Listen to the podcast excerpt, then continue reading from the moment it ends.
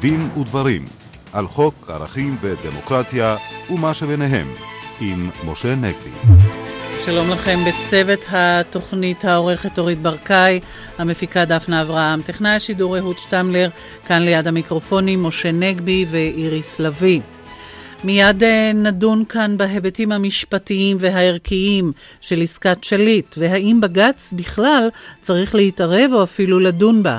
האם וכיצד ניתן להעניק הכשר חוקי למאחזים שהוקמו על קרקע פרטית של פלסטינים בשטחים, וכך למנוע את פירוקם? נשמע את דעת עורכנו, עורך הדין נדב העצני.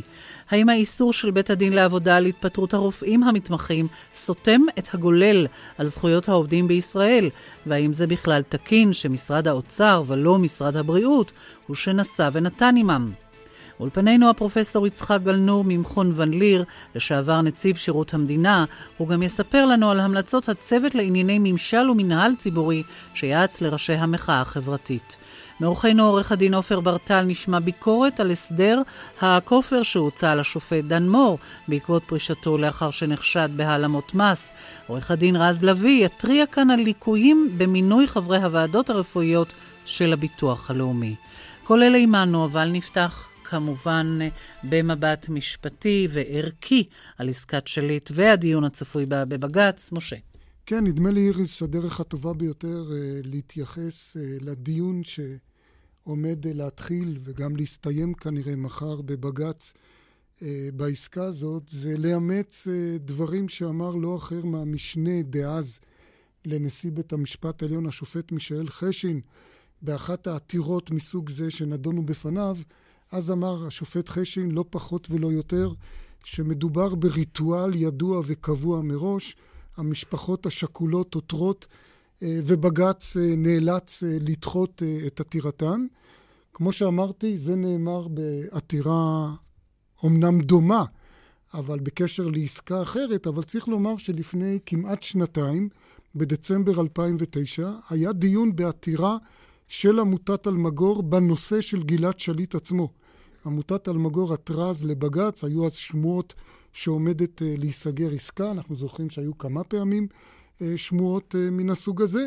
עמותת אלמגור עתרה לבג"ץ ודרשה שיפרסמו את שמות האסירים שישראל מציעה לשחרר במסגרת המשא ומתן. אמנם בג"ץ נענה לעמותת אלמגור במובן הזה שהוא אמר שאם וכאשר אכן יגובש הסכם, השמות יתפרסמו. כדי אה, לאפשר אה, דיון ציבורי ולאפשר התנגדויות, אבל באותה נשימה ממש אמרו השופטים דורית בניש, הנשיאה, שכמו שאנחנו יודעים כבר תשב גם מחר בראש ההרכב, ויחד איתה השופטת דאז עדיין פרוקצ'יה והשופט ריבלין. אה, שלושת השופטים הללו אמרו גם בדיון הזה שמוטב שהעותרים יזכרו שבנושא הזה ההכרעה הסופית היא בידי המוסדות הנבחרים אה, ולא בידי בית המשפט. כלומר, דיון ציבורי חשוב שיהיה וטוב שיהיה, אבל הדיון הציבורי הזה יוכרע אה, לא בבית המשפט, אלא במישור הציבורי אה, ובמישור הפוליטי. עכשיו, לגופו של עניין, אני חייב לומר, איריס, שאני מאוד מזדהה עם דברים ששמעתי הבוקר מפי השר אדלשטיין, שכמו שאנחנו יודעים, הצביע בעד העסקה, אבל אני חושב שגם מי שתומך בעסקה, ואמר את זה השר אדלשטיין, אה, לא יכול למצוא בה אה, סיבה למסיבה. אה, מרבים לדבר על המחיר הביטחוני הקשה של העסקה הזאת. אני בדרך הטבע, אנחנו בתוכנית משפטית ערכית, רוצה לדבר על המחיר המשפטי הערכי. אני חושב שלא צריך להכביר מילים על כך שזה נורא מבחינה משפטית ונורא מבחינה ערכית. שמאסרי עולם שהוטלו על רוצחים אה, הופכים לחוכא ואיטלו לה בהינף קולמוס אה, של גופים פוליטיים או גופים צבאיים, נשיא המדינה, המפקד הצבאי שמבטל את מאסרי העולם האלה ומוציא את הרוצחים לחופשי. אני חושב שזה מקומם שבעתיים כאשר מדובר ברוצחים סיטוניים שביצעו כמה וכמה מעשי רצח, לפעמים אפילו עשרות מעשי רצח, וזה במיוחד חמור גם כן כאשר מדובר במעשי רצח שנעשו על רקע לאומני, אפשר לומר גזעני. אנשים נרצחו אך ורק אה, בשל היותם אה, יהודים. אני אגיד רק עוד הערה אחת לפני שאני אפתח את הנושא לדיון פה של עמיתינו המכובדים באולפן. אני רוצה להתייחס לאותה דרישה, בקשה, הצעה שהעלו שני שרים בממשלה, שבמקביל לשחרור אותם רוצחים פלסטינים, ישוחררו גם יהודים שרצחו ערבים על רקע לאומני או על רקע נקמה וכולי. אני חייב לומר שההצעה הזאת נראית לי כל כך הזויה ואבסורדית, שלא הייתי מתייחס אליה, אלמלא כאמור שני שרים התייחסו אליהם, אחד מהם אפילו פרופסור, הפרופסור דניאל הרשקוביץ. אני אומר שזה הזוי ואבסורדי, משום ששמעתי את אחד המציעים, נדמה לי שזה היה השר ישי, אולי מישהו אחר, אומר ששחרור הרוצחים היהודים ימתיק את הגלולה המרה. בעיניי זה כמו להגיד שאתה ממתיק את הגלולה המרה שבכריתת רגל אחת על ידי כריתת הרגל השנייה. פה, כמו שאמרתי, כרתו רגל אחת של שלטון החוק בזה ששחררו רוצחים גזענים ולאומנים. עכשיו רוצים להמתיק את הגלולה על ידי כריתת הרגל השנייה, לשחרר עוד רוצחים לאומנים אה, גזענים. אני רוצה גם לומר, אמרתי פה, אני מתייחס רק למחיר הערכי-משפטי, אבל אני חושב שכל אחד מבין שגם מבחינה ביטחונית זה לא ממתיק שום גלולה, משום שמעבר לכאבי ראש שיהיה לשב"כ להתמודד עם הטרוריסטים הפלסטינים שמשחררים, יהיה פה כמובן שפיכת שמן על טרור יהודי נגד ערבים, והרי רק לפני שבוע-שבועיים עסקנו פה בתופעה הנוראה של תג מחיר, אז אתה תעביר מסר גם לטרוריסטים יהודים שהם לא צריכים לחשוש לשבת בכלא עד היום האחרון של גזר הדין. עורך דין אה, נדב העצני, איך אתה רואה את כל הקומפלקס הזה של אה, עסקת שליט והדיון המשפטי בה? תראה, אה, השתמשת בביטוי הזוי ואבסורדי, אמנם בהקשר אחר, שאני לא חושב שזה הדבר המרכזי שבזמן הקצר הנתון לי אני רוצה להתעסק בו. אני סבור שבאמת מבחינה משפטית, ערכית, ומבחינת האמנה החברתית שכרותה בין האזרח לבין השלטון, העסקה הזאת, במיוחד מעבר לקודמותיה, מביאה אותנו למצב הזוי ואבסורדי. והמצב ההזוי והאבסורדי הזה, אני, אני אומר את הדברים, אין ספק שזה ימים גדולים למשפחת שליט, אבל לצערי הרב, אני חושב שלציבור הישראלי ולמדינת ישראל זה לא פחות מאשר אסון. אסון, והאסון הזה מתמקדים בצד הסמנטי והאמוציונלי של המשפחות השכולות, אבל לא זו הבעיה המרכזית.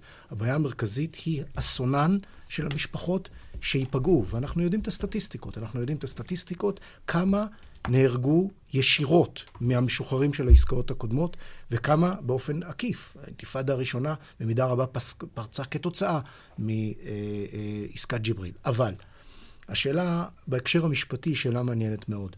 ואותו ריטואל קבוע שעליו דיברת, ואני באמת רואה את כל אלה שרצו לבג"ץ, ואומר לעצמי, בשביל מה הם מבזבזים את הזמן? כי אני יכול לשבת עכשיו ולכתוב את ההחלטה שתינתן מחר או מחרתיים. היא כבר נכתבה בעצם בעתירות קודמות. היא נכתבה בעתירות קודמות, והיא כבר כתובה בראשם של השופטים שישבו מחר בדין.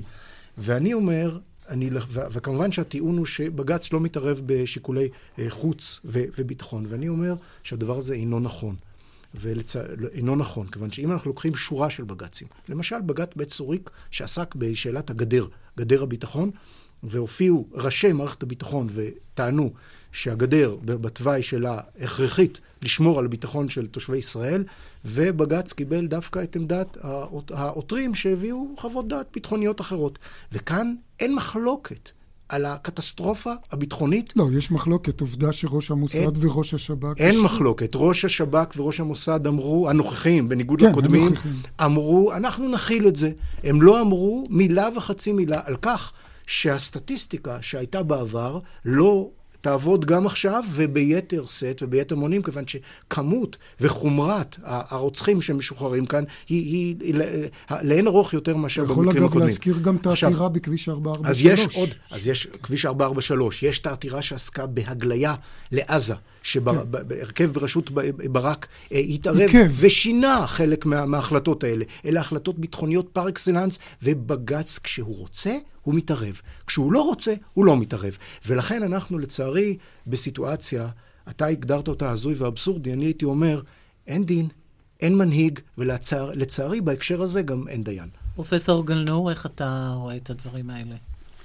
אה, אני, בניגוד לשניכם, אין לי סוסים ואין לי אה, פרפורי בטן בעניין הזה. אני חושב שטוב עשתה הממשלה ונכון, אמנם מאוחר, אבל עשתה את זה נכון. והבעיה היא לא אה, משפטית, כי היא פוליטית ומוסרית.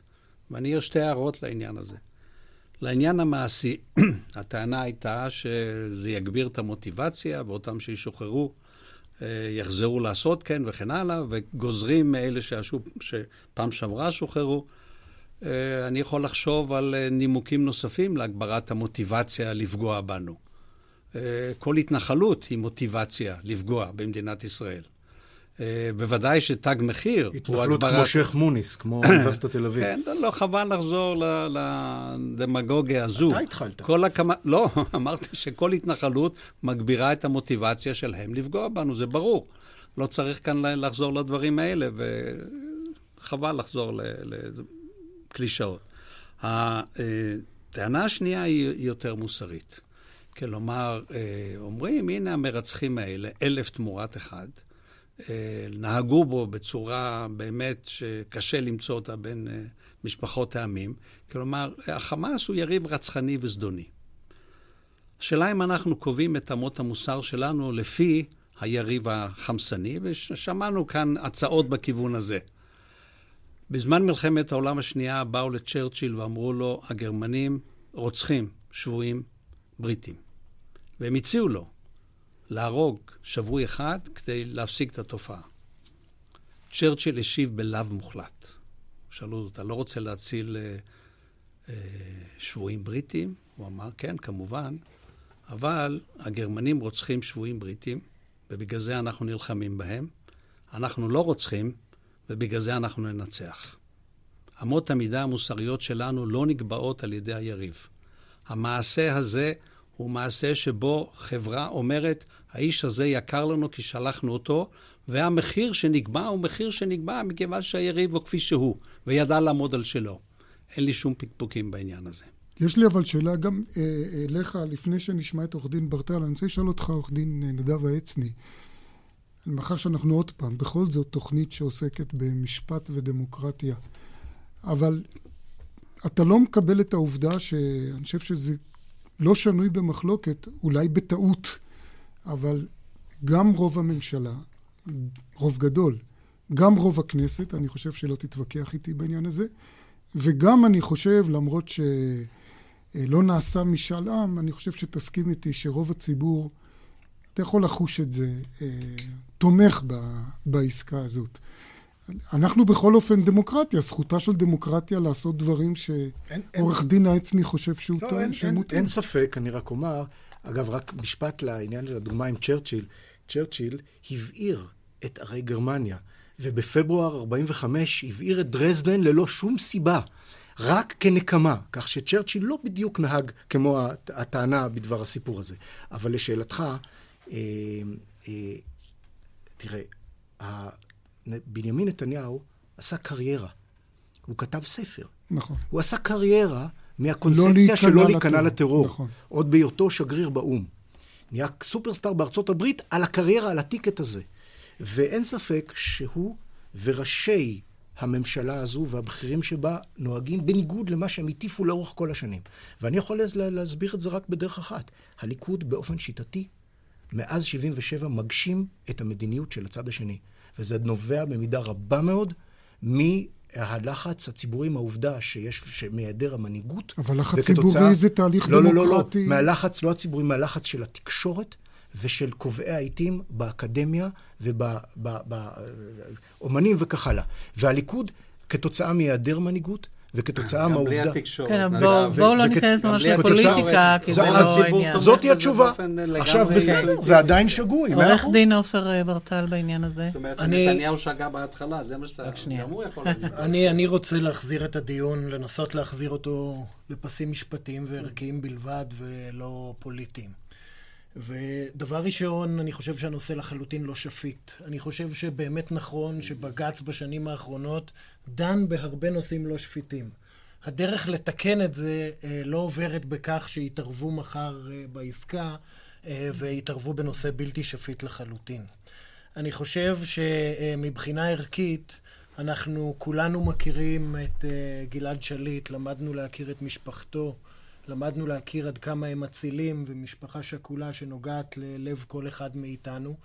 ומאוד קשה לנו לעמוד uh, מול uh, uh, המשפחה הזאת ומול המצוקה שלה, למרות שאין אפילו סיבה הגיונית אחת לתמוך בעסקה הזאת, וביבי נתניהו בעצמו כתב, כמו שאמר עורך דין העצני, בספרו את הדברים עלי ספר, ואנחנו רואים שכראש הממשלה הוא עושה בדיוק ההפך. אני מניח שלו כל אחד מאיתנו היה מנהיג של המדינה הזאת, זה מה שהוא היה עושה. Uh, אפילו שהוא לא חושב כך מבחינה אידיאולוגית, ואולי, אני מאוד מקווה שאנחנו באמת חזקים בגן הזה של פדיון שבויים ובערבות ההדדית, ואני מאוד מקווה שזאת לא חולשה. עורך דין רז לביא. אם סיבה הגיונית, אמרת שאין אף אחת, הנה אחת. כן. אמרת במו פיך. רז לביא. אני אה, למעשה חושב שאנחנו נמצאים ב-lose-lose situation. למעשה, מצד אחד אנחנו אה, אה, רוצים שגלעד שליט יחזור הביתה, אבל מהצד השני אנחנו צריכים לשחרר כאלף מרצחים. וחזרתו ארצה חשובה למעשה לקהל המתגייסים החדש, לא להשאיר אה, שבויים או פצועים מאחור, וזה משהו שמנחילים לך בצבא, שתמיד, לא חשוב מה יקרה, תמיד תחזור הביתה. אז למעשה אנחנו כן מפסידים בכך שאנחנו מחזירים את האלף מרצחים האלה. אני חושב שנוכל אולי להתמודד איתם באיזושהי צורה. אני בטוח שיהיו לנו אבדות של אזרחים בעתיד או חיילים עקב השחרור ההמוני הזה, אבל מאחר ואנחנו נמצאים בסיטואציה שהיא קשה עבור כולם, אני חושב שאם כבר נמצאים במצב שאנחנו מפסידים, אז בואו נפסיד כשגלעד כבר נמצא איתנו בבית. הסיטואציה הקשה הזאת, פרופסור גלנור, נובעת מכך שלצערנו החייל נחטף. זה ברור כן. ש... שעצוב מאוד שהחייל נחטף מלכתחילה, זה בוודאי דבר מצער. זה לא חטיפה, זו פעולה, זאת הייתה פעולה שהיא לא בדיוק חטיפה, זאת הייתה פעולה... פעולה מלחמתית. פעולה מלחמתית, קשה לנו להגיד את זה, אנחנו בשם, כולנו בשם צבא הגנה לישראל, אבל זאת לא פעולת uh, טרור ממש, זאת הייתה פעולה מלחמתית, אנחנו איבדנו בה שני אנשים ונחטף לנו mm-hmm. אדם אחד, אבל זאת לא הייתה התקפה לבית ילדים. זה היה משהו... כן, אי אפשר לבודד אותה, אני רק אומר, זה, אנחנו מבודדים, כאילו זה בדיוק, זה מה שיגביר את המוטיבציה, וכאן נאמר שבגלל ששחררו כך וכך אנשים יהרגו, הכל עור ופרח. שחרורו של גלעד שליט תורם לחוסנה של החברה בישראל ולביטחונה יותר מאשר החזקת אלף השבויים ויותר מאשר כל דבר אחר. זה החוסן האמיתי, ולא החוסן המדומה. כן, עורך דין נדב העצני, אה, יש כאלה שקשרו בין הדברים, אני, לא, אני בדרך כלל לא חסיד של תיאוריות קונספירציה וגם לא פה, אבל אמרו שכדי לרכך את התנגדות הימין אה, לעסקה, אה, נתניהו בעצם הקים את אותה ועדה בראשות השר נאמן להלבין מאחזים בשטחים כדי למנוע את הפינוי שלהם אה, וכולי. אני, כמו שאני אומר, אני לא יודע אם יש קשר בין הדברים, אבל אני רוצה לשאול אותך ודעותיך בנושא השטחים וההתנחלויות ידועות. בלי קשר אם אתה בעד התנחלויות או נגד, אתה חושב שזה משפטית ומוסרית אפשרי אה, להלבין מאחז שנבנה על קרקע פרטית של מישהו אחר? זה לא גזל? תראה, א', לגבי... זה לא מכפיש את ההתנחלויות בעצם? א', לגבי ההערה שלך בעניין בנימין נתניהו, אה, אני, אני, יכול, אני יכול להאמין להכל. אז יכול להיות, אין לי מושג לגבי זה, אבל אני חושב שהסיבה שה, שנתניהו החליט על הקמת הוועדה הזו, ועדת מומחים, אה, אה, היא סיבה טובה בפני עצמה, וכתוצאה מלחץ ענייני כבד שהופעל עליו אה, במיוחד בתקופה האחרונה, כיוון שאני חייב לומר לך, אני חושב שגם התבטאתי בעבר, אני אפילו לא בטוח אם לא בתוכנית הזאת, שבאופן בסיסי, אני כמובן, אה, הצבתי את הקו, בזמנו הנושא הזה עלה בהקשר של דוח טליה ששון. כן. ואז הקו שאני הצבתי היה, אני סברתי שהדוח של טליה ששון היה אה, דוח פוליטי, פוליטי שקשה להגדיר אה, ולהשתמש במילים יפות כדי, כדי להגדיר את מי שביקש ממנה, אז אריאל שרון, ממציא השיטה כדי, כדי לחבר את הדוח הזה, ודוח שאמרתי במילים הכי פשוט, הכי מכובסות ונימוסיות, שאין בו יושרה. אבל אכן הצבתי את הקו בכל מה שנוגע לקרקע פרטית. אכן. יחד עם זה, עם הזמן למדתי שהסוגיה לא כל כך פשוטה. אני עדיין, אני אומר באופן עקרוני, הקו שלי עובר היכן שבנו על קרקע של הזולת. אלא שבסוגיות האלה מסתבר שנמצאות היום, חלק ניכר מהסוגיות שנמצאות היום, ושהוועדה הזו צריכה, תצטרך לדון בהן, ואני מקווה שתדון בהן לעומק ותבחן את זה, הסוגיות יותר מורכבות מאשר אה, קרקע פרטית. אה, למשל, אה, יש דוגמה שבה ה, אה, היה בג"ץ של לכאורה, של, של, של, של בעלי קרקע ערביים, בג"ץ, המדינה בפני בג"ץ אמרה, היא מכירה בזה שזה שלהם, ולכן הבג"ץ התקבל. והנה כשאותם עותרים הגישו תביעה אזרחית נגד המדינה, בבית משפט אזרחי המדינה הגישה שורה של ראיות מדוע זה לא שלהם. מדוע, וזאת דואליות בלתי אפשרית. עכשיו, ה, אה, יש סעיף בחוק המקרקעין, שלנו, הקובע שכאשר מדובר למשל במקרקעין לא מוסדרים, כאשר בונים בתום לב על מקרקעי הזולת, הבונה יכול לשלם את ערך המקרקעין ולהשאיר את הבנייה. והבעיה, כנראה שבעיה מרכזית כאן היא שהייתה כאן, זה לא, זה לא מאחזים, יש כאן שכונות שלמות שהוקמו על ידי המדינה. במה שחשבו שקרקע מדינה, ועלו סימני שאלה לג... בדיעבד, האם אכן, כי פתאום נמצאו אנשים... ואת זה אתה חושב ש... אני אומר, כאשר בנו בתום לב על מקרקעי הזולת, במצב שכזה, ואכן כך התברר, צריך לנסות להסדיר את זה באופן הזה. אנחנו חייבים להתחיל לסיים. פרופסור גולנור, מה אתה אומר בעניין? אה, שתי הערות קצרות. אה, הקרקעות בשטחים הפכו לקרקעות מדינה על ידי הוקוס פוקוס משפטי, שנוהל ב- על ידי uh, גברת פליה אלבק, זיכרונה לברכה, ואיש מהמשפטנים המכובדים בעולם וגם בישראל אינם מקבלים את העיקרון כולו של שטחים כבושים שהם, שהם ירדנים וכן הלאה. בכך הפכת לא, רגע, אותי אבל... ללא מכובד, זה בסדר. ועוד רבים אחרים. סליחה, אני מתכוון לחוות דעת משפטיות. יש חוות דעת משפטיות מוטעות שהן מכובדות.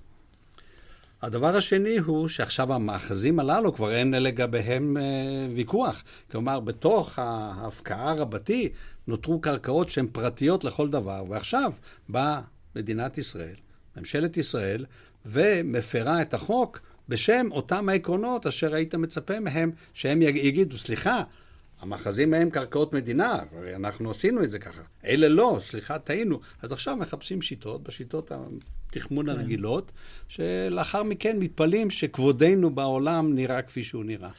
עורך דין ברטל, מילה? כן, אני, אני חושב שכל המדינה שלנו היא בנויה על uh, איזושהי פיקציה משפטית שראוי לומר אותה. אני מסכים לפיקציה הזאת, אבל היא פיקציה. מפני שבשלב מסוים, כאשר הוקמה מדינת ישראל, אז הוכרזו כל המקרקעין, לרבות מקרקעין שהוחזקו על ידי אנשים אחרים שעזבו או שהועזבו, וזה לא משנה למה, הוכרזו כקרקעות מדינה וכקרקעות אה, נכסי נפקדים שהפכו לקרקעות אה, מדינה. ואנחנו לא מאפשרים היום לאנשים שהם הבעלים של הקרקע הזאת לטעון לאיזה שהן זכויות בקרקע, ואם אנחנו נאפשר את זה, זה סוף מדינת ישראל uh, בעצם. אז אתה אומר שצריכים צריכים, להמשיך את המדינה? ואנחנו צריכים, לא, אני חושב שאנחנו צריכים מאוד מאוד להיזהר כאשר אנחנו מנסים uh, uh, להמשיך במגמה הזאת. עוד uh, מעבר לשטחים. בקרקעות שהן לא במדינת בשטח, ישראל. לא בקרקעות לא שהן אפילו לא בתוך מדינת, מדינת ישראל. אני חושב שזה סיוט משפטי.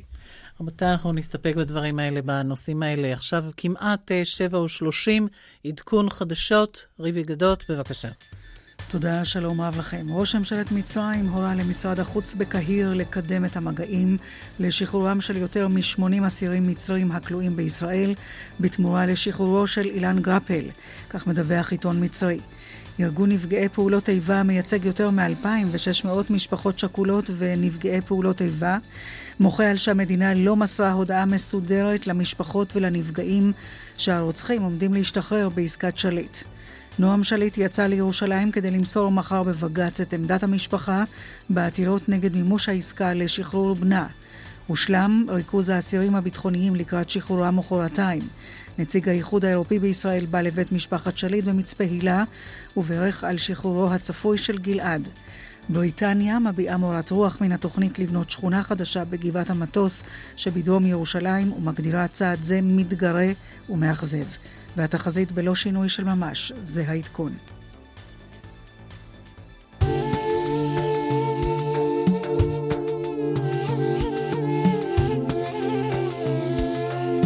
קרובים רחוקים עם הדוקטור רענן כהן ופרידה ג'אבר ברנסי. עורכת עיתון פנורמה בשפה הערבית. והפעם, מה עומד מאחורי פגיעה באתרים בעלי משמעות דתית?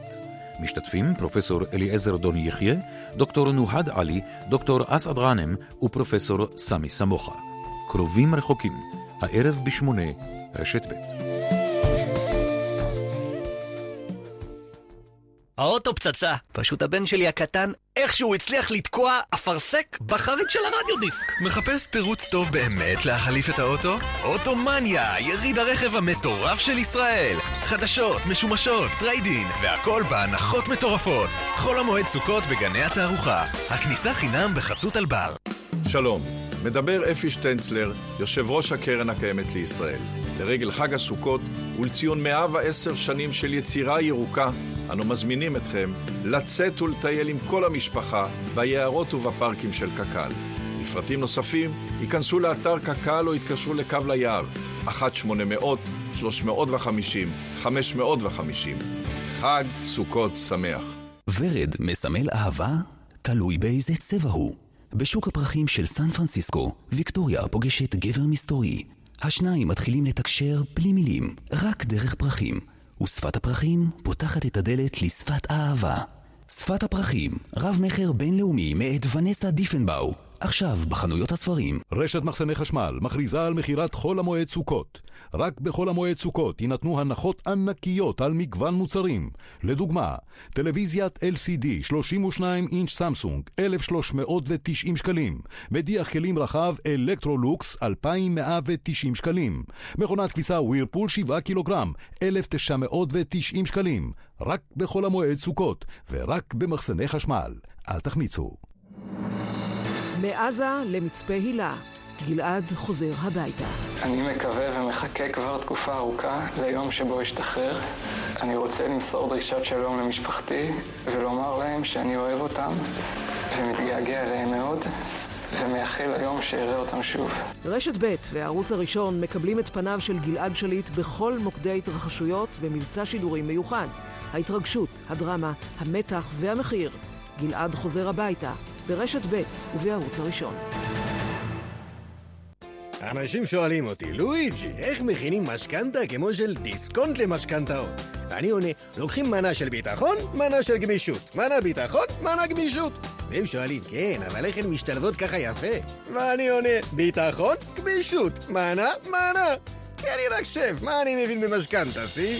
דיסקונט למשכנתאות מציג המסלול, משכנתה המשלבת ביטחון של ריבית קבועה עם גמישות של ריבית משתנה. לפרטים כוכבית 2009. מתוך רב המכר החדש, איש ליד מכונה. אלה הם חיי עד כה. חיים של אדם, של עד ושותף לתקופה, שניסה והעז והצליח, וגם נכשל לעתים. איש ליד מכונה, רב מכר אוטוביוגרפי מאת סטף ורטהיימר. איש ליד מכונה, סיפורו של איש, סיפורה של מדינה. דורון צמחוני מכפר סבא. כל החיים עסקתי בספורט, פתאום התחילו כאבים בברך. הפיזיותרפיסטית שלי המליצה על מגה גלופלקס. אחרי שלושה חודשים התחלתי להרגיש שיפור. תודה לתמי, הפיזיותרפיסטית שלי. מגה גלופלקס, כי לגוף אין חלקי חילוף. מחפשים מזנון מרהיב בעיצוב ייחודי? ריהוטים 2012, גני התערוכה תל אביב, הכניסה חופשית, אל תחמיצו, התערוכה נסגרת בעוד חמישה ימים. הלו? אהלן דביר, מדבר אורי שפן. המאסטר בהשקעות של מזרחי טפחות מתקשר אליי? רציתי לאחל שנה טובה. שנה טובה, שפן! נו, אין לך איזה פיקדון שישמח אותי בחגים? האמת? יש לי פיקדון שישמח אותך כל השנה. על פקדון רימונים, שמעת? וואי, חולה על רימונים. כל הגרגירים האלה, ומיץ הרימונים שעושים מהם. יופי של פרי בחרת. גם יופי של פיקדון. מדובר בפיקדון חדש, לשנה אחת, שנותן לך גם רווחים גבוהים וגם נזילות. אה, רימונים. כלומר, גם הגרגירים וגם המיץ. בדיוק. ככה אתה גם מרוויח היטב, וגם הכסף נזיל בכל חודש. או, ככה מתחילים שנה חדשה. שפן. כן, דביר. אתה מקצוען. לקוחות כל הבנקים, התקשרו עוד היום למקצוענים בהשקעות של מזרחי טפחות, כוכבית 8860, ושאלו על פקדון רימונים, ושתהיה שנה טובה. אנחנו כאן בדין ודברים, רשת ב' של כל ישראל. עכשיו, להחלטת בית הדין הארצי לעבודה, לשוב ולאסור על היפטרות הרופאים המתמחים, מה זה אומר לגבי זכויותיהם, והאם יש סיכוי שבג"ץ יתערב בעניין משה?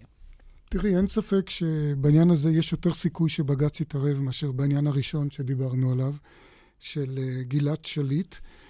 אבל אה, אם נתייחס לזה במישור היותר עקרוני, אני חושב שלא רק הרופאים המתמחים צריכים לרצות שבג"ץ יתערב, אני חושב שכל עובד במדינת ישראל, כל עובד שכיר במדינת ישראל, אה, צריך לרצות שבג"ץ יהפוך על פניה את ההחלטה הזאת, בעצם החלטה שנייה כבר בסדרה של כבוד השופטת נילי ארד, נשיאת בית הדין הארצי לעבודה, משום שאני חושב שההחלטה הזאת באמת דרדרה לשפל שלא ישוער את מצב זכויות העובדים במדינת ישראל, שגם ככה נמצאים אה, בשפל אה, נמוך ביותר. אני חייב לומר שאני לא מכיר עוד מדינה בעולם הדמוקרטי, למיטב ידיעתי, והיה פה לא מזמן, לפני שבועות אחדים, מומחה גדול ממני לדיני עבודה, עורך דין אלי בן טובים, שאמר דברים דומים. אני לא מכיר עוד מדינה בעולם הדמוקרטי שבה מונעים מעובד לעזוב את מקום עבודתו כאשר תנאי ההעסקה ותנאי השכר אה, אינם נראים לו. אה, ובעצם פה הפכו את העובדים לעבדים, לא רק של המעביד, אלא גם של האיגוד המקצועי היציג שלהם. עכשיו, אני מקבל את זה שלאיגוד מקצועי יהיה מונופול על הכרזת שביתה, אבל שאיגוד מקצועי יוכל למנוע מעובדים שלא מסכימים להסכם שהוא חתם עליו, למנוע מהם לעזוב את מקום העבודה ולהחליף את מקום העבודה, זה דבר שנראה לי לא דמוקרטי אה, בעליל. אני חושב שיש סיכוי לבג"ץ, כי אני חושב שזה גם סותר את חוק יסוד חופש העיסוק. אני לא יכול לחשוב על פגיעה קשה ביותר בחופש העיסוק מאשר למנוע מעובד להחליף את עיסוקו או את מקום עבודתו. לטעמי זה גם פגיעה בכבוד האדם, מהסיבות שמניתי, המצב הזה של עבדות אה, דה פקטו. תראו, אני, אם יורשה לי לומר, מכיר את השופטת ארד הרבה שנים. אין לי ספק שהיא פעלה מתוך כוונות טובות וטהורות. היא רצתה למנוע את המצוקה ואת מצב החירום הנורא אה, בבתי החולים. זה בהחלט מטרה נעלה, אבל עם כל הכבוד, אני לא חושב שלבית הדין לעבודה הייתה סמכות לפעול כפי שפעל, ויש, כדי לפתור את בעיית החירום, יש לנו סמכות של צווי חירום. שאפשר להוציא מה שקוראים בלשון העם צווי ריתוק, ואז לפחות אתה מוציא קודם כל את הצווים רק לאותם מתמחים שהם באמת חיוניים, ולא כל המתמחים. זה שאלה של חיים ומוות אם הם יבואו לעבודה או לא. ב' זה מוגבל בשלושה חודשים, ויש כל מיני מגבלות אחרות אה, לעניין הזה. לסיום אני רק אומר ש... תארי לעצמך, איריס, שכדי למנוע את המצוקה בבתי החולים, השופטת ארד הייתה מחליטה הפוך, שהיא מחייבת את המדינה להיענות לתביעות של המתמחים, כי זה לא נסבל הצורה שבה הם עובדים. תארי לעצמך איזה זעקה הייתה קמה פה על האקטיביזם של בית המשפט, ומה בית המשפט מתערב ביחסי העבודה, ואיפה השוק החופשי וכולי. פתאום אנחנו שומעים שאף אחד לא כועס על האקטיביזם כשהוא נוח לממלכה, כשהוא נוח לממשלה. אולי נשאל כאן את, אותך, פרופסור יצחק גלנור, אה, לשעבר נציב שירות המדינה, מומחה לממשל ולמדעי המדינה, העניין הזה שהפקידי האוצר בעצם מנהלים את המשא ומתן ומכתיבים, ולא משרד הבריאות בכלל לא בתמונה, איך זה נראה לך? זה חלק מבעיה כללית, אה, שבה למעשה המשרדים רוקנו מסמכויותיהם, לא מאחריותם אגב, ואנחנו כבר לא שמים לב. זו שאלה שנראית טריוויאלית. למה? משרד האוצר צריך לנהל את המשא ומתן ישירות עם אה, ארגוני הרופאים. מה, הוא מבין בזה? הוא מבין בתורנויות, הוא מבין ביכולות, מה הוא ילך לנתח בעצמו? אין אח ורע לסוג כזה של, של, של אה, ריכוזיות כפי שקיימת אצלנו, מה גם שהם לא עושים עבודה כל כך טובה. אפילו באותם מקרים שכביכול הם ניצחו, לשיטתם, כלומר, חסכו כמה שקלים, כמו במקרה של השביתה של העובדים הסוציאליים, הם הפסידו. אנחנו, האזרחים, הפסדנו. עובדים סוציאליים מושפלים, זה לא מה שאנחנו רוצים. מתמחים מושפלים, אם האוצר היה מנצח, זה לא מה שאנחנו רוצים.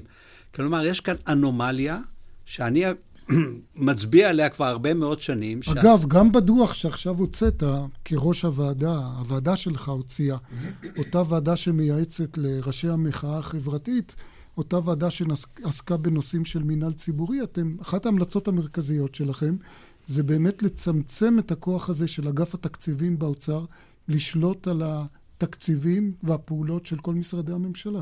כן. אחת ההמלצות של הוועדה שלנו, שסייעה לתנועת המחאה, הייתה לבטל את המונופול הזה.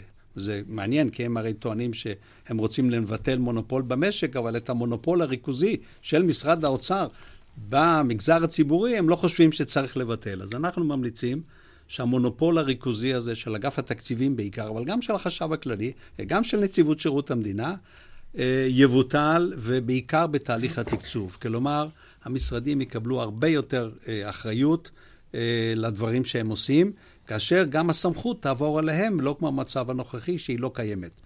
אפשר להגיד על זה עוד דבר, האחריות הזאת, שאיננה של משרד האוצר, היא בהרבה מאוד תחומים. אם הם מנהלים את הכל, אז צריך לקחת בחשבון את הכישלונות בתחום המים, את הכישלונות בתחום מסילות הברזל שלא נעשו. אלה הם כל זה מדיניות שמשרד האוצר לדורותיו דבק בה. עכשיו, הטענה שהעניין הוא עניין כספי, ואם משרד האוצר לא יהיה מעורב, יהיו לזה השלכות רוחב, כפי שאומרים, היא טענה לא נכונה, מכיוון שהם מנהלים את המשא ומתן בדרך כלל באופן ייחודי לגמרי, כדי לבודד את זה מאחרים, וכאמור לא בהצלחה גדולה. אם הזכרת, מותר לי להגיד עוד שתי המלצות שלנו שגם כן קשורות כן, לזה. כן, הדבר הראשון, שצריך להקפיא לגמרי את תהליכי ההפרטה. אני אומר להקפיא, לא לבטל, יכול להיות שההפרטה היא טובה. צריך לבדוק, וזה בניגוד להמלצות ועדת טרכטנברג, צריך לבדוק אם המדיניות הזאת השתלמה. אנחנו כבר בודקים את הנושא הזה במכון ון ליר הרבה שנים, והגענו למסקנה שצריך כל דבר כזה, כולל מיקור חוץ, לבדוק כדי שנטל ההוכחה יהיה על המפריט ולא על מי שמתנגד לזה. ודבר אחרון שאני רוצה לומר, אה, ההמלצות של השינוי צריכות להתבסס על איזושהי יכולת ניהולית, שלא קיימת היום. למה היא לא קיימת? כי רוקנו את משרדי הממשלה. עוד ואז, פעם חוזרים לעניין של האוצר. כן, ואז באים לבירוקרטיה ואומרים שאף אחד לא יכול לבצע, ומינהל מקרקעי ישראל הוא לא בסדר, אז צריך להפריט אותו וכן הלאה. יש כאן מעגל קסמים שחייבים לשבור אותו. צריך פשוט להתחיל לבנות כמעט מחדש את היכולת המנהלית שלנו בסקטור הציבורי. אז מישהו קורא ברצינות את ההמלצות האלה. אני בטוח שמישהו קורא ברצינות, אני לא בטוח כן. כל כך. נדב אוקיי, העצני? היות ואנחנו כאן, זה גלש מהחלטת של נשיאת בית הדין הארצי לעבודה. לא, אבל נחזור לעניין של הרופאים. אז כן. שלוש הערות לגבי הדברים שנאמרו כאן. א', לגבי, מהסוף, לגבי, לגבי האוצר, לגבי הממשלה. לדעתי, מניסיון ארוך זמן, הממשלה צריכה לנהל מה שפחות. כל, בכל מקום שהממשלה מנהלת ולא עוסקת ברגולציה, היא מנהלת רעה מאוד. ואם אפשר לבחון, וכמובן שאפשר לבחון... הבעיה היא שהיא גם גרועה ברגולציה, זאת טוב, הבעיה. אז את זה צריכה לשפר, כי כזה היא חייבת לעשות. שתיים, לגבי האוצר, מה שיפה הוא שמצד שני, אנחנו סבורים, או רבים, גם אני, אה, סבורים שיש מקום לקצץ את אה, תקציב הביטחון, ואנחנו דווקא מבקשים שהאוצר יהיה מעורב יותר בתקציב הביטחון. אז אתה צודק, זה התחום היחידי שלא מעורבים. אז אני רק אומר לך שיש כאן כנראה, יש כאן כנראה משהו דואלי. לא, צריך למצוא איזה לא, נתיב זהב. זו פרה קדושה, הם לא, לא נותנים להם להיכנס. אוקיי. עכשיו, לגבי, לגבי, לגבי ההחלטה של אה, בית הדין הארצי לעבודה, אני לא יודע ולא רוצה להביע דעה בשאלה האם הרופאים המתמחים המסוימים האלה, שזה אגב רק רופאים מתמחים במרכז הארץ, בבתי, בבתי החולים המבוססים ביותר. האם הרופאים המתמחים האלה צודקים או לא, אני לא יודע. אני רק יודע שלטעמי יהיה לבג"ץ קשה מאוד להתערב בהחלטה של אה, בית הדין הארצי לעבודה, כיוון שהקביעה שמדובר בשביתה בתחפושת היא קביעה נכונה. כיוון שהייתה כאן, אה, אה, אנחנו יודעים שמדובר כאן על אינטרסים פרטיקולריים של אנשים שנמצאים בתוך מציאות שבה הם אה, מונעים ונתמכים על ידי מנהלי בתי החולים ומנהלי המחלקות שלהם בבתי החולים הכי מבוססים בארץ, כשיש להם אפשרויות השתכרות אחרות, ושהם התארגנו, וה... התפטרות היא צעד ארגוני שביתתי. אבל מותר להתארגן. יש כאן, מותר להתארגן. יש חופש זה... התארגנות. מאה אחוז, אבל אז אתה הולך לפי כללי... אז למה ניהלו משא ומתן תוך כדי התפטרות? רק, רק, ברגע שהם התפטרו, שלא יפסיקו לנהל משא ומתן. הם המשיכו לנהל משא ומתן עד השנייה האחרונה. אם זה צעד ארגוני... זה מראה שזה תחפושת. אם זה צעד ארגוני, חלים עליו הדינים והכללים הנוגעים לשביתה ולצעדים ארגוניים. זו אינה התפטרות. טוב, נציגי הרופאים לא כאן, אז לא נוכל לשמוע דעתם. רציתי לעניין בעניין הזה. עורך דין ברטל, רצית... בעניין שדיבר עליו פרופסור גלנור. כן, בעניין שדיבר עליו פרופסור גלנור, רציתי לומר כך, אני חושב שבעיית המשילות במדינת ישראל מתחילה מלמעלה. אני חושב שלשרים, השרים במדינת ישראל היום לא יכולים לעשות שום דבר במשרדים שלהם. ואני קראתי בדוח המאוד יפה של פרופסור גלנור, והלוואי ויישמו חלק נכבד ממנו, הוא באמת מאוד יפה ומאוד מלומד, אבל אני קראתי שעוד רוצים להחליש אותם עוד יותר. זאת אומרת, הדרג אז על זה הוא דיבר, על ריקון המשרדים. אני, אני מדבר על כך, יש לנו, אני אסביר. היום שרים, הם לא יכולים למנות אנשים, כי אם הם ימנו אנשים, יפתחו בחקירה נגדם. אם הם יגידו שצריך לשנות את תנאי המכרז, כי הם חושבים שצריך לשנות תנאי מכרז מסוים, יפתחו נגדם בחקירה. אם הם יגידו שצריך לאשר מפעל במקום שמשווע למקומות עבודה, אז יפתחו נגדם בחקירה גם כן. הפרידו בין הלשכה של השר למשרד אתה מזכיר לי את אלה שאומרים שקצת שחיתות זה טוב. לא, לא, אני לא אומר שקצת שחיתות, אני רק אומר שלא בהכרח כל שר הוא מושחת. ושכל החלטה של שר היא בהכרח מושחתת. אם אנחנו נתייחס לכך, ש... אם אנחנו נחשוב שכל החלטה של שר היא בהכרח מושחתת, אני חושב שזה אסון. לא, לא זו הייתה, חס וחלילה, החלטות של שר הן לא מושחתות, אבל הן פוליטיות במובן הזה ששירות המדינה אצלנו נאמן מאין כמוהו, אלה אגדות, שהבירוקרטיה מכשילה. אני באמת מציע לכם, כמי שהיה שם בפנים, פחות להסתמך על, על אמרות כנף. שירות המדינה אצלנו נאמן, נאמן מדי. הוא עושה מה שהשרים מבקשים ממנו, כולל פוליטיזציה וכולל אפילו מקרים שנתגלו לאחר מכן כספק שחיתות. ולכן מה שצריך לעשות זה דווקא לחזק את אותן אה, מסגרות שאנחנו החלשנו אותן. 60 אלף עובדי מדינה לא יכולים לעמוד במעמסה אפילו אם היו מלאכים. נסתפק שוב גם בנושא הכבד הזה, בדברים האלה, ונמשיך איתך, עורך דין עופר ברטל, ויש לך השגות על ההתנהלות בפרשת השופט דן מור, שפרש לאחר שנחשד בהעלמות מס, נאות, כמו שאומרים, לשלם כופר. מקורביו מאשימים את רשויות המס בנקמנות. איך אתה רואה את כל העניין? יש לך איזה דעה על זה? אני מאוד תמה על העניין כולו. אני טענתי לא אחת בבתי משפט שהרשויות נוקמות ורודפות את לקוחותיי, ואני חושב שאפילו פעם או פעמיים הצלחנו להוכיח את זה, ובית המשפט אמר את הדברים נכוחה. ואני חושב שהמקום לומר דברים כאלה שרודפים אותי ומתנקמים בי, הוא בדיוק זה, הוא בדיוק בית המשפט. ואם uh, כבוד השופט uh, דן מור חשב שרודפים אותו, אם הוא באמת חושב כך, כך הוא צוטט באחד העיתונים, אז אם הוא באמת חשב שרודפים אותו, המקום להוכיח את זה היה בבית משפט. כאשר משלמים כופר מצד אחד, שבכופר זאת בעצם כפרה, זאת הודיה, זה מלשון לכפר. הוא מודה ולכן הוא משלם uh, כופר כדי לחסוך את ההליך הפלילי, אז uh, אני חושב שמאידך אי אפשר לטעון, uh, אני חף מפשע ורודפים אותי. צריך להחליט מהי הטענה. אם אני חף מפשע ורודפים אותי, תתכבד ותטען את טענותיך בבית משפט. אני בטוח שבית משפט יבדוק את הטענות האלה לעומקן. אגב, מצד שני, אתה גם לא היית אומר שאם הפרקליטות חושבת שהאיש העלים מס, וזה מה שהיא חושבת כמובן, שדווקא משום שמדובר בשופט לא צריך להסתפק בכופר, אלא צריך להעמיד uh, לדין פלילי, כי... אני חושב שזאת שאלה אחרת. אני חושב שכופר זה מעין חוסר עניין לציבור בהגדרת אדם כעבריין. זאת אומרת... אבל אם מדובר הסכום... בשופט, אין עניין... אתה יכול חושב... להגיד שאין עניין ציבורי? אני חושב שקשה מאוד להגיד, אבל אני חושב שכופר... כופר הוא הסדר. הוא הסדר שמתרחש בעקבות בקשה בקשה של מי שרוצים להעמיד אותו לדין, או שיש כוונה להעמיד אותו ושהוא לדין. ושהוא בעצם מודה. דהיינו בדיוק, יש פה הודיה ובקשה שלו. אל תעמידו אותי לדין. ואני מוכן לקבל את זה שגלגלי הצדק הם מאוד דורסניים, ומאוד קשה להתמודד איתם, ולפעמים גם כשאתה צודק, אתה נדרס תחת הגלגלים המאוד אימתניים האלה. אבל אז הייתי מצפה שלפחות לא תבוא טענה של רדיפה. כי ברגע שבאה הטענה של רדיפה היא מאוד מאוד חמורה, כאשר משמיע אותה שופט בבית משפט. תודה לך, ועכשיו אליך עורך דין רז לביא. אתה מתריע שהאופן שבו נקבע הרכב הוועדות הרפואיות של הביטוח הלאומי לא מבטיח שהצדק ייעשה, ובעיקר ייראה.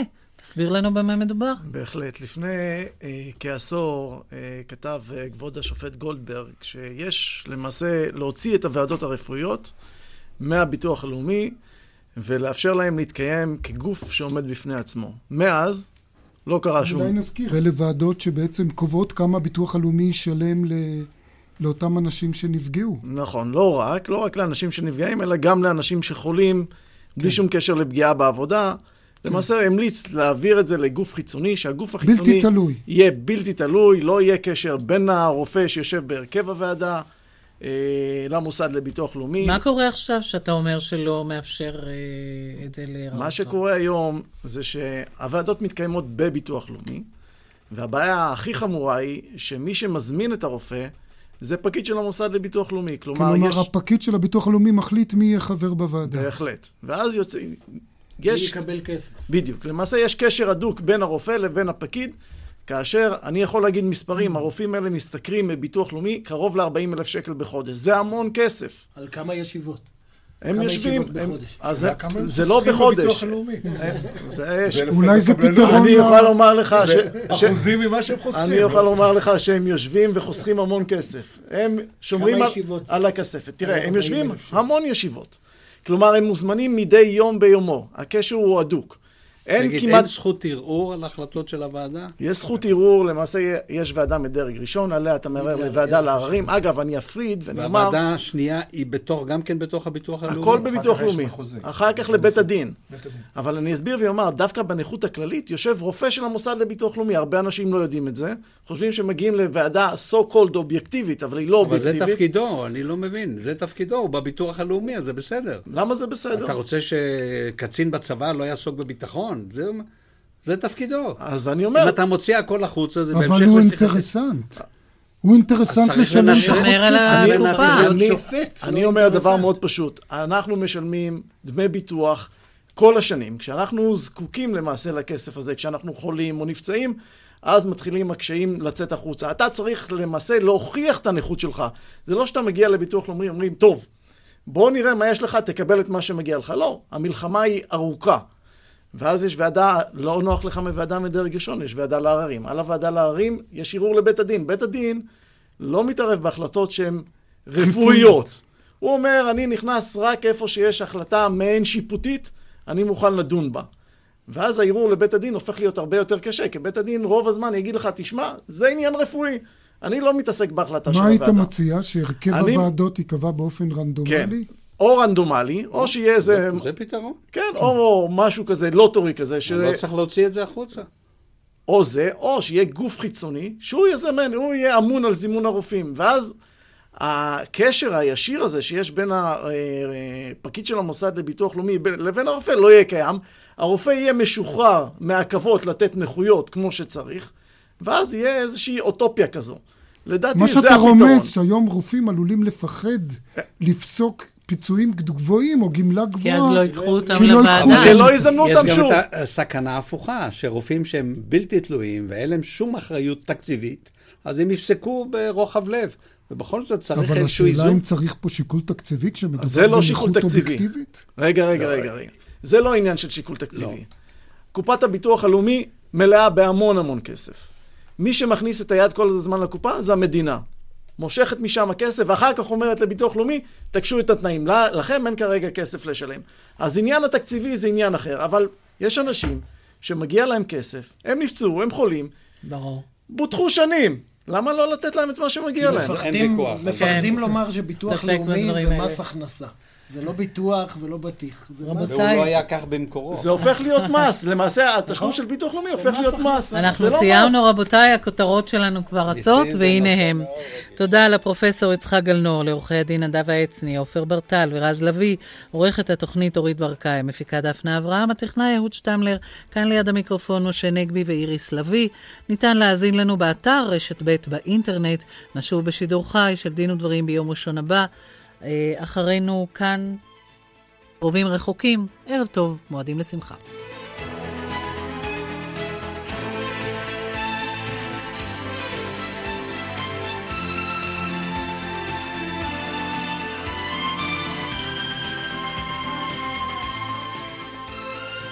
פאנג'י פארם מחסל פטריות עם קבלות, כוכבית 5898, פאנג'י פארם. הקאמרי מציג קברט. מגדולי מחזות הזמר בכל הזמנים, עשרות שחקנים, רקדנים, זמרים ונגנים, 50 הצגות בלבד. המחזמר קברט בקאמרי, אז בואו לקברט. רוני דונביץ', מחבר רב המכר נרדף, עכשיו בספר חדש, עמוק מבפנים. אומרים שעמוק מבפנים הוא ספר הריגול הטוב ביותר שנכתב בישראל, ושרוני דונביץ' ניצב בשורה אחת עם הגדולים בסופרי הריגול בעולם. עמוק מבפנים, מאת רוני דונביץ', בהוצאת כנרת. עכשיו, בחנויות הספרים. שלום, כאן דן חמיצר. אני מזמין אתכם לחגיגת סוכות בפארק אריאל שרון, הפארק העירוני הגדול בישראל בלב גוש דן. בואו לראות את הפארק עם כתב חידה שהכנתי עבורכם, וגם פעילות ייחודית ירוקה, מופע מרכזי, הכניסה חינם. נוסף על כך, פעילויות יום בפארק המחזור חירייה, סדנאות שימוש חוזר, סיורי אופניים ועוד. להרשמה, פארק אריאל שרון בפייסבוק או באתר פארק המחזור חירייה. כל המשפחה מוזמנת להתראות. מתוך רב המכר החדש, איש ליד מכונה. לא פעם חוזרים ושואלים אותי, סטף, מהי הנוסחה שלך להצלחה? ואני משיב ואומר, לא יודע. אולי פשוט לרצות דבר טוב, ולקום בבוקר, ולעבוד להגשמתו. איש ליד מכונה. רב מכר אוטוביוגרפי מאת סטף ורטהיימר. איש ליד מכונה. סיפורו של איש, סיפורה של מדינה. רוצים להתחדש במטבח מודרני? ריהוטים 2012, גני התערוכה תל אביב, הכניסה חופשית. אל תחמיצו, התערוכה נסגרת בעוד חמישה ימים. אוטומניה, יריד הרכב המטורף של ישראל. חדשות, משומשות, המרה, trade-in והכל בהנחות מטורפות. חול המועד סוכות בגני התערוכה. הכניסה חינם בחסות אלבר. חדש באופטיקנה, עדשות multifocal בשיטת ה-HD, לראייה חדה ומדויקת יותר. ועכשיו במבצע 1 פלוס 1, כפוף לתקנון. אופטיקנה, התשוקה למשקפיים. סוכות ברשת ביתילי. ספות מעוצבות מ-4,990 שקלים. ביתילי.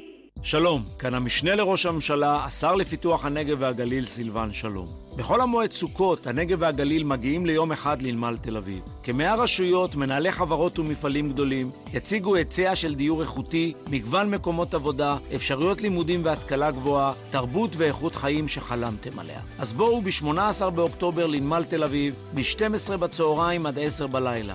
אל תעמדו, התיישבו, בנגב ובגליל. כולכם מוזמנים. רשת מחסני חשמל מכריזה על מכירת חול המועד סוכות. רק בחול המועד סוכות יינתנו הנחות ענקיות על מגוון מוצרים. לדוגמה, DVD פיוניר 179 שקלים, פלייסטיישן 3 1,490 שקלים, מכונת כביסה סמסונג 1,790 שקלים, רק בחול המועד סוכות ורק במחסני חשמל. אל תחמיצו. שלום, מדבר אפי שטנצלר, יושב ראש הקרן הקיימת לישראל. לרגל חג הסוכות ולציון 110 שנים של יצירה ירוקה, אנו מזמינים אתכם לצאת ולטייל עם כל המשפחה ביערות ובפארקים של קק"ל. לפרטים נוספים, ייכנסו לאתר קק"ל או יתקשרו לקו ליער, 1-800-350-550. חג סוכות שמח. ציפי קרטובר מרמת גן. אחרי כאבים חזקים בברכיים הגעתי לאורתופד. הוא המליץ שאקח מגה גלופלקס ומהר מאוד כל הכאבים נעלמו. אז תודה דוקטור. מגה גלופלקס, כי לגוף אין חלקי חילוף. סוכות ברשת ביתילי. פינות אוכל, שולחן ושישה כיסאות מ-6,990 שקלים. ביתילי. גיבורי העל האמריקאים שיעשו לכם את החג כבר כאן. קרייסלר, ג'יפ ודודג' בהנחות ובתנאים חסרי תקדים. המיניוון המוביל בעולם קרייסלר גרנד וויג'ר החדש. שבעה מקומות ישיבה מנוע פנטסטאר חזק ו-280 כוחות סוס. לפרטים חייגו כוכבית 9955